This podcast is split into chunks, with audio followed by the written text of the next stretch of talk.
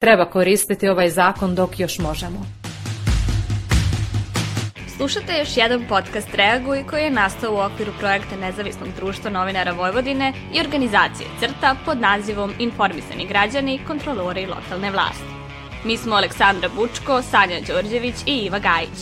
U prethodnom podcastu fokusirali smo se na još jedan kilometar asfalta, šta znači biti građanin, kao i potencijalnim zloupotrebama budžeta za vreme predizborne kampanje. A u ovom izdanju podcasta Reaguj pričat ćemo o novom zakonu o pristupu informacijama od javnog značaja, odnosno da li će promenom ovog zakona javna preduzeća postati tajna. Vlasti već duže vreme najavljuju da će doći do promena u zakonu o pristupu informacijama od javnog značaja, a prema predloženim izmenama javna preduzeća će postati nedostupna građanima u smislu upravo pristupa informacijama. Za sad postoje dve verzije mogućih izmena, objašnjava izvršni direktor Nezavisnog društva novinara Vojvodine i advokat Veljko Milić. U prvoj verziji koja je predstavljena, društva kapitala se isključuju od primene tog zakona bez obzira na to ko je osnivač i pod čijom kontrolom je to društvo. Inače, društvo kapitala su društva sa ograničenom odgovornošću, akcionarska društva, odnosno privredni subjekti koji učestvuju na tržištu. A kako Milić objašnjava, u javnosti se pojavila bojazan da će se javna preduzeća odlukom vlade pretvoriti u društva kapitala kako se na njih ne bi primenjivao taj zakon. Nakon toga, nakon svega toga, dobijamo drugu verziju zakona. Nakon toga, e, nacrt zakona je ponovo izmenjen, tako da je sadašnje rešenje koje figurira kao aktuelan nacrt, zapravo takav da će se e, pristup informacijama od javnog značaja samo e, ograničiti ukoliko, će, ukoliko bi to narušilo jednakost e, privrednih subjekata na tržištu. Što opet znači da će društva kapitala koja su osnovana od strane države ili javna preduzeća, ukoliko postanu umeđu vremenu društva kapitala, praktično e, kada im se obratite zahtevom za pristup informacijama od javnog značaja, moći da kažu, ali kad bi vi vama otkrili te sad informacije, to bi nas dovelo u neravnopravan položaj na tržištu, pa vam zbog toga uskraćujemo pristup. Postoji kontrola za to i kontrolisao bi poverenik za informacije od javnog značaja, međutim, opet onda tu zavisi od poverenika, sve produžava se vreme eh, za koje ćete doći do, do pristupa tim informacijama i tako dalje. Poverenik za pristup informacijama od javnog značaja, Milan Marinović, eh, slaže se sa tim da izmene treba da postoje i slaže se sa aktuelnim nacrtom. Postojeći zakon o slobodnom pristupu informacijama ima više problematičnih tačaka koje bi svakako trebale biti uklonjene, odnosno zamenjene ili izmenama i dopunama za, e, zakona kako predlaže nadležno ministarstvo državne uprave i lokalne samuprave ili novim zakonom za što se ja zalažem već duže vreme. Znači, po sada važećem zakonu e, organizacije koje vrše javne ovlašćenja dužne su da podležu zakonu i dužne su da informacije. Po prvom predlogu je bilo da su potpuno isključeni i to je nedopustivo. Po ovom sada predlogu zadnje koji smo videli, ali ne znamo da li će to biti zadnji tekst, su dužni da daju informaciju, osim ako bi davanje te informacije moglo da poremeti njihov jedinstveni položaj na jedinstvenom tržištu Srbije. Naravno, uvek će biti sive zone. Javne institucije ni sada ne dele rado informacije, a to potvrđuje Darko Šper, novinar Vojvođansko-istraživačkog analitičkog centra Voice, koji kaže da prema iskustvu njegove redakcije često traženi podaci izostaju, a dobijaju se tek posle žalbe povereniku. Dodaje i da ti podaci koji se dobijaju nisu uvek potpuni ili u njegovom slučaju odgovor dolazi pre samog isteka roka i preobiman je. E, to znači da su novinari pretrpani papirima ili sa druge strane dobijaju šture odgovore gde se navodi kako to na primjer nije u ingerenciji institucije te se upućuju na dalje organe. Ja ću samo skrenuti pažnju da Svi važniji projekti u ovoj državi koje sprovode i javna preduzeća su pod velom tajne, jer su to sve neki državni ugovori. Pa tako imate sad rekonstrukciju železnice, pa imate Beograd na vodi, pa imate sve te neke nove velike fabrike i izgradnju autoputeva, gde jednostavno vi ne možete da pristupite tim informacijama, jer će vam neko stati i reći da je to tajna zato što se štiti onaj ko izvodi radove, izvor kapitala i tako dalje i tako dalje. Tako da je već u samom startu tu to otežano. Danas je sve to u vidu forme, moraš da popunjavaš formulare, da šalješ, da čekaš rokove, Po meni je to sve jako se zakomplikovalo, a tek će da se zakomplikuje ako bude ovako kako Veljko pominje. I onda ćemo naravno u izveštajima da kažemo institucija ta i ta do tog roka nije odgovorila, nemamo odgovor druge strane, onda će ljudi da nagađaju, onda će da se krive informacije, da se dalu, daju poluinformacije i onda niti smo mi nešto postigli, niti su oni zadovoljni time šta je urađeno, a nisu hteli da nam daju informacije. Izmene zakona značajno bi otežale posao novinarima, naročito istraživačkim, koji najviše zapravo koriste zahtev za pristup informacijama od javnog značaja. Novinarka mreže za istraživanje kriminala i korupcije KRIK, Bojana Jovanović, kaže da se ni sadašnji zakon ne poštuje, a da će njegova izmena pogoršati situaciju. Koliko sam shvatila, najveći problem je e, što će javna preduzeća biti izuzeta iz, iz tog zakona. Međutim, problem sa, sa dostupnosti informacija i sa dobijanjem informacija iz tih preduzeća postoji već godinama. Dakle, i sa ranijim zakonom, dok je on bio dobar i pokrivao je, dakle, e, ta javna javna preduzeća, mi smo imali problem zato što ne možemo jednostavno da dobijemo neke informacije. Većinu informacija, zato što ne postoji ni, nikakva transparentnost, dakle ne možemo da dođemo do informacija čak koje treba da budu javno objavljene na njihovim sajtovima, ali sa druge strane, dakle, troši se veliki novac, kriju se ugovori, dogovori, mi smo tu situaciju imali pre sada već 15 godina kada je napravljen dogovor sa Fiatom, pa je ceo ugovor bio zamračen, dakle niste mogli da vidite nikakve informacije i sada smo došli do toga da jednostavno ne možemo nikakve informacije da dobijemo. Iako je cenjivan kao jedan od najboljih u svetu, mana ovog zakona može da bude to što se penali zapravo uh, za nedavanje informacije od javnog značaja najčešće plaćaju opet iz javnog budžeta. Ana Novaković iz Birna ovo vidi kao problem. Ono što ja smatram da bi bilo neophodno je da postoji i personalna odgovornost. Tako da može da se dogodi da direktor nekog javnog preduzeća Mika neće da, on kaže ne, nemojte da date ovom novinaru informacije i dokumenta koje je tražio po zakonu, pa da li moramo, platit ćemo kaznu, pa nema veze, platit će javno preduzeće, to opet ide iz istog budžeta, a njega niko ne sankcioniše, neće ga niko udariti po ušima i po džepovima, te pare nisu njegove, zato se on i ne odnosi prema tome sa nekom velikom važnošću. I osim toga, i ne samo da će ta direktiva i to naređenje doći sa vrha, nekad može da dođe i od najnižeg. Dakle, da ona osoba koja primi vaš zahtev, a to se meni desilo nekoliko puta, da osoba koja je primila moj zahtev kaže, e, slušaj, šta ti hoćeš? Sad si ti našla da znaš kolike su plate ovde, ne znam, zaposlenima u PR službi. Ko si ti? Pa ne da ja imam pravo da znam, nego ima pravo da zna. I moja mama i moja komšenica i, i tvoja baba i tvoja čerka, svi mi i ti sama i svi mi imamo pravo da znamo to jer su to javni javni podaci. I te pare su i moje i moje mame i moje komšinice jer idu, to su pare svih građana Srbije, poreskih obveznika i zbog toga ja imam pravo da znam kolika je plata nekom PR službeniku u nekom javnom preduzeću. Zašto javno preduzeća koje su javna i troše javni novac imaju potrebe da kriju javne podatke?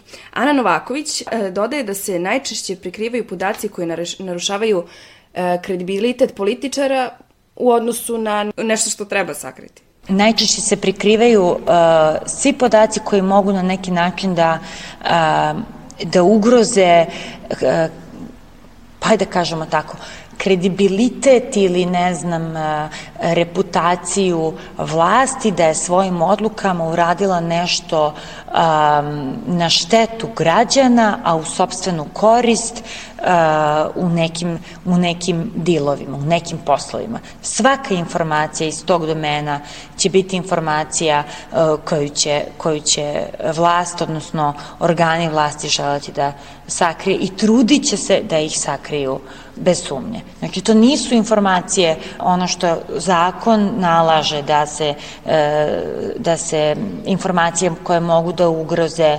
bezbednost na nacionalnom nivou će e, normalno biti sačuvane informacije koje su vojna tajna, koje su um, koje su državna tajna, ali imaju oznaku državno, državne tajnosti zbog toga, toga i toga, a ne zato što je nekome dunulo da kaže ovo će biti državna tajna, da, to je u redu, ali se i svaka druga, svaka druga informacija i svaki drugi dokument, sporazum, koji otkriva neke potencijalne koruptivne poslove ili neke, kako bih rekla, neke mračne poslove i dilove, to će se sakriti. Bojana Jovanović iz Krika smatra da je problem politizacija preduzeća.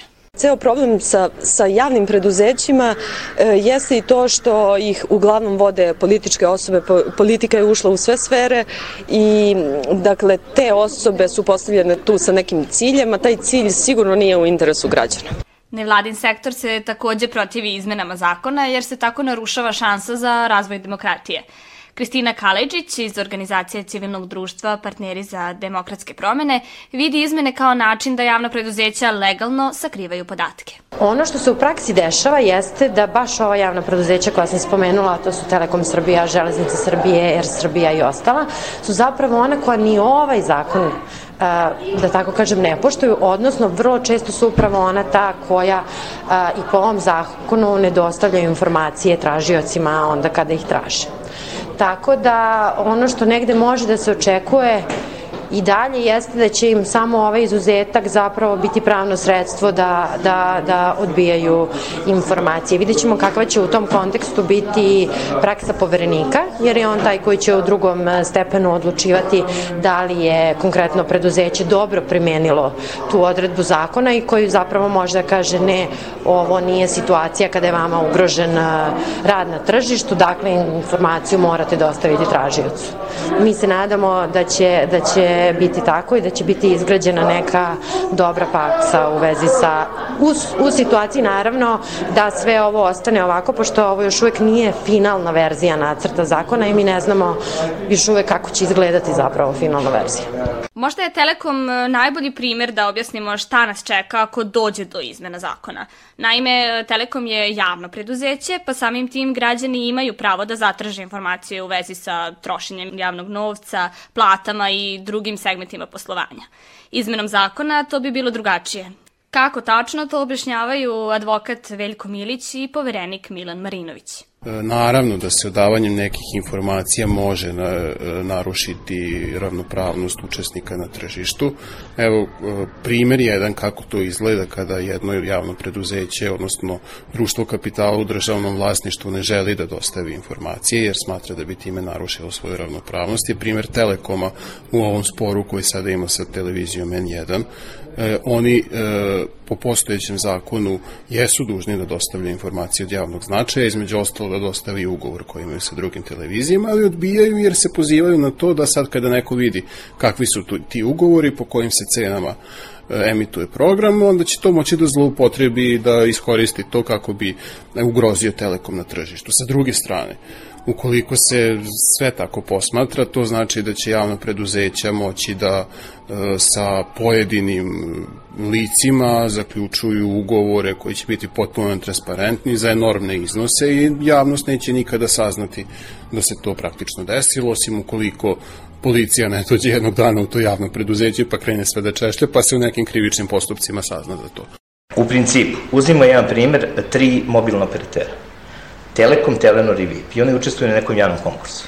Telekom podleže zakonu, jer on je, on je ovaj, organizacija s javnim ovlašćenjem. Telenor i VIP naravno nisu, to su strane kompanije. Ukoliko bi Telekom bio u obavezi da daje neke specifikacije svog poslovnog procesa, cene, e, e, cene rada, postupak rada, neke tehničke detalje, svoje, da kažem, poslovne tajne, on bi bio u slabijem položaju, naravno, na tenderu u odnosu na Telenor i VIP. Jer Telenor i VIP to ne moraju da rade, a isto imaju. Međutim, to svakako ne znači da Telekom ne treba da da sve im podatke e, i bilo koja organizacija neošćenja koji se tiču e, njihove organizacije rada, e, plata, trošenja sredstava, e, sprovođenja njihovih nabavki, e, sponzorisanja i slično. To su informacije koje, s obzirom da oni E, rade sa našim parama, ne smeju da ostanu tajne. Ali one koje se tiču, da kažem, njihovog opstanka na tržištu, one mogu da razumem da treba da budu tajne. E sad, bit će tu preklapanje, ali zato to služi poverenik da požalbi odluče. Postavlja se pitanje u suštini šta će spadati u te podatke koje e, utiču na e, javno preduzeće i njegovo učešće na tržištu i ko će o tome odlučivati i koliko će se to zapravo zloupotrebljavati. A do sada smo govorili o tajnama kada su u pitanju veliki projekti, netransparentnosti, pa čak i o tome da postoji mogućnost da će javne institucije još više zatvoriti svoje poslovanje za javnost. To znači da građani neće znati gde ide njihov novac. Veljko Milić kaže da je stvar i dalje u rukama građana. Javne rasprave, peticije i javne akcije su i dalje alatke za delovanje. Građani moraju biti solidarni, moraju biti odgovorni, ne mogu da razmišljaju da će neko posao i pritiska na institucije odraditi umesto njih a iz nekog svog ličnog iskustva mogu da kažem da institucije i tekako reaguju na pritisak građana, na pritisak stručne javnosti, ali naravno taj pritisak mora da bude konstantan, mora da bude zaista argumentovan, građani moraju da se organizuju, da se pripreme i da vrše pritisak na institucije i da izmene izmene zakona, pa da taj zakon u skupštinsku proceduru uđe bez tih odredaba koje ugrožavaju pristup na informacije od javnog značaja ali zaista, kažem, potrebna je solidarnost, jer niko naš posao neće raditi umesto nas, moramo ga sami raditi. Solidarnost i pritisak građana može i treba da bude oruđe za u stvari bilo kakav problem koji se stvori u radu vlade, javnih institucija ili bilo kojih organa ili institucija koji su pod kontrolom građana ili bi trebalo da budu. Zakon koji trenutno imamo je jedan od visoko rangiranih zakona u svetu prema internet stranici mapa rangiranja globalnog prava za informacije. Tačnije, nalazimo se na trećem mestu. Iako je sam zakon ranije ocenjen kao kvalitetan i dobar, njegova primjena nailazi na probleme. E, kada je u pitanju statistika, najnoviji podaci na sajtu Poverenika za informacije od javnog značaja i zaštitu podataka o ličnosti, u kom su obrađeni zahtevi do 31. januara 2020. godine, piše da je u proceduri skoro 4000 zahteva. 3,5 je upravo za pristup informacijama od javnog značaja. U prvom mesecu 2020. godine služba poverenika je primila ukupno oko 1000 i po predmeta, a skoro 1000 su bili u vezi sa pristupom informacijama. Kancelarija poverenika je u istom tom mesecu rešila 916 zahteva, od čega je skoro 400 u vezi sa pristupom informacijama od javnog značaja. Da li je to puno ili je zapravo malo i da li građane interesuje da li će se državne institucije zatvoriti za javnost? Pa iskreno ništa nisam čuo o toj promeni zakona, a ako se tako nešto desi, sistem će postati još zatvoreniji, verujem, i još ćemo slabije moći da kontrolišemo ono što se dešava u ovoj državi. Naravno, treba da ostanu javne, zato što mi kao građani imamo pravo da znamo takve informacije, zato što smo mi ljudi koji generalno plaćamo većinu, odnosno plaćamo deo nebitno i nebitno koliko je, tako da imamo pravo da znamo gde naš novac odlazi, to je naše pravo, je tako? Naravno da javna preduzeća s obzirom da su javno vlasništvo trebaju da imaju javni rad. Sve zavisi da li mene kao pojedinca interesuje baš rad svakog javnog preduzeća, da li, na primjer, u Subotici, Novom Sadu ili, na primjer, negde u Nišu, ali te informacije verovatno jesu od značaja na šta se troši novac od poreskih obveznika. Novinar Vojsa Darko Šper objašnjava da je zakon o slobodnom pristupu informacijama od javnog značaja važan i predstavlja način da građani saznaju na šta se troši njihov novac. Pa ako nešto košta 500 dinara, a vi to platite 1000 dinara, onda javnost treba da zna zašto je došlo do razlike u ceni. A ako neki grad uvodi javnu rasvetu, a nema ni kanalizaciju, ni vodovod, onda moramo da znamo zašto je to prioritet. Je to prioritet da bi nama bilo super da nam svetli grad ili neko hoće da nečija volja je da se to baš sad prekoredno uradi. Mislim, u Vojvodini gde nema a, zdravu vodu više od polovine opština i gde kanalizaciju nema 70% ovaj, naseljenih mesta, staviti javnu rasvetu, pa kome to treba? Mislim, ti bez javne rasvete negde i možeš da preživiš, a bez zdrave vode ne možeš. A ako nemaš kanalizaciju, ugušit ćeš se u septičkim jamama, koji će ti zagaditi zemljište na kom živiš. To je vrlo jednostavno objasniti. Tako da ovaj, interes države trebaju da budu građani, a ne nečiji profit i nečiji uski interes. U drugom podcastu Reaguj nezavisnog društva novinara Vojvodine i organizacije CRTA govorili smo o promenama zakona o pristupu informacijama od javnog značaja, kao i o potencijalnim problemima koje će one prouzrokovati. Slušajte nas ponovo, pratite nas na društvenim mrežama, na Facebooku, Instagramu i Twitteru, a ako želite da nas podržite, možete to uraditi na stranici donations.ndnv.org.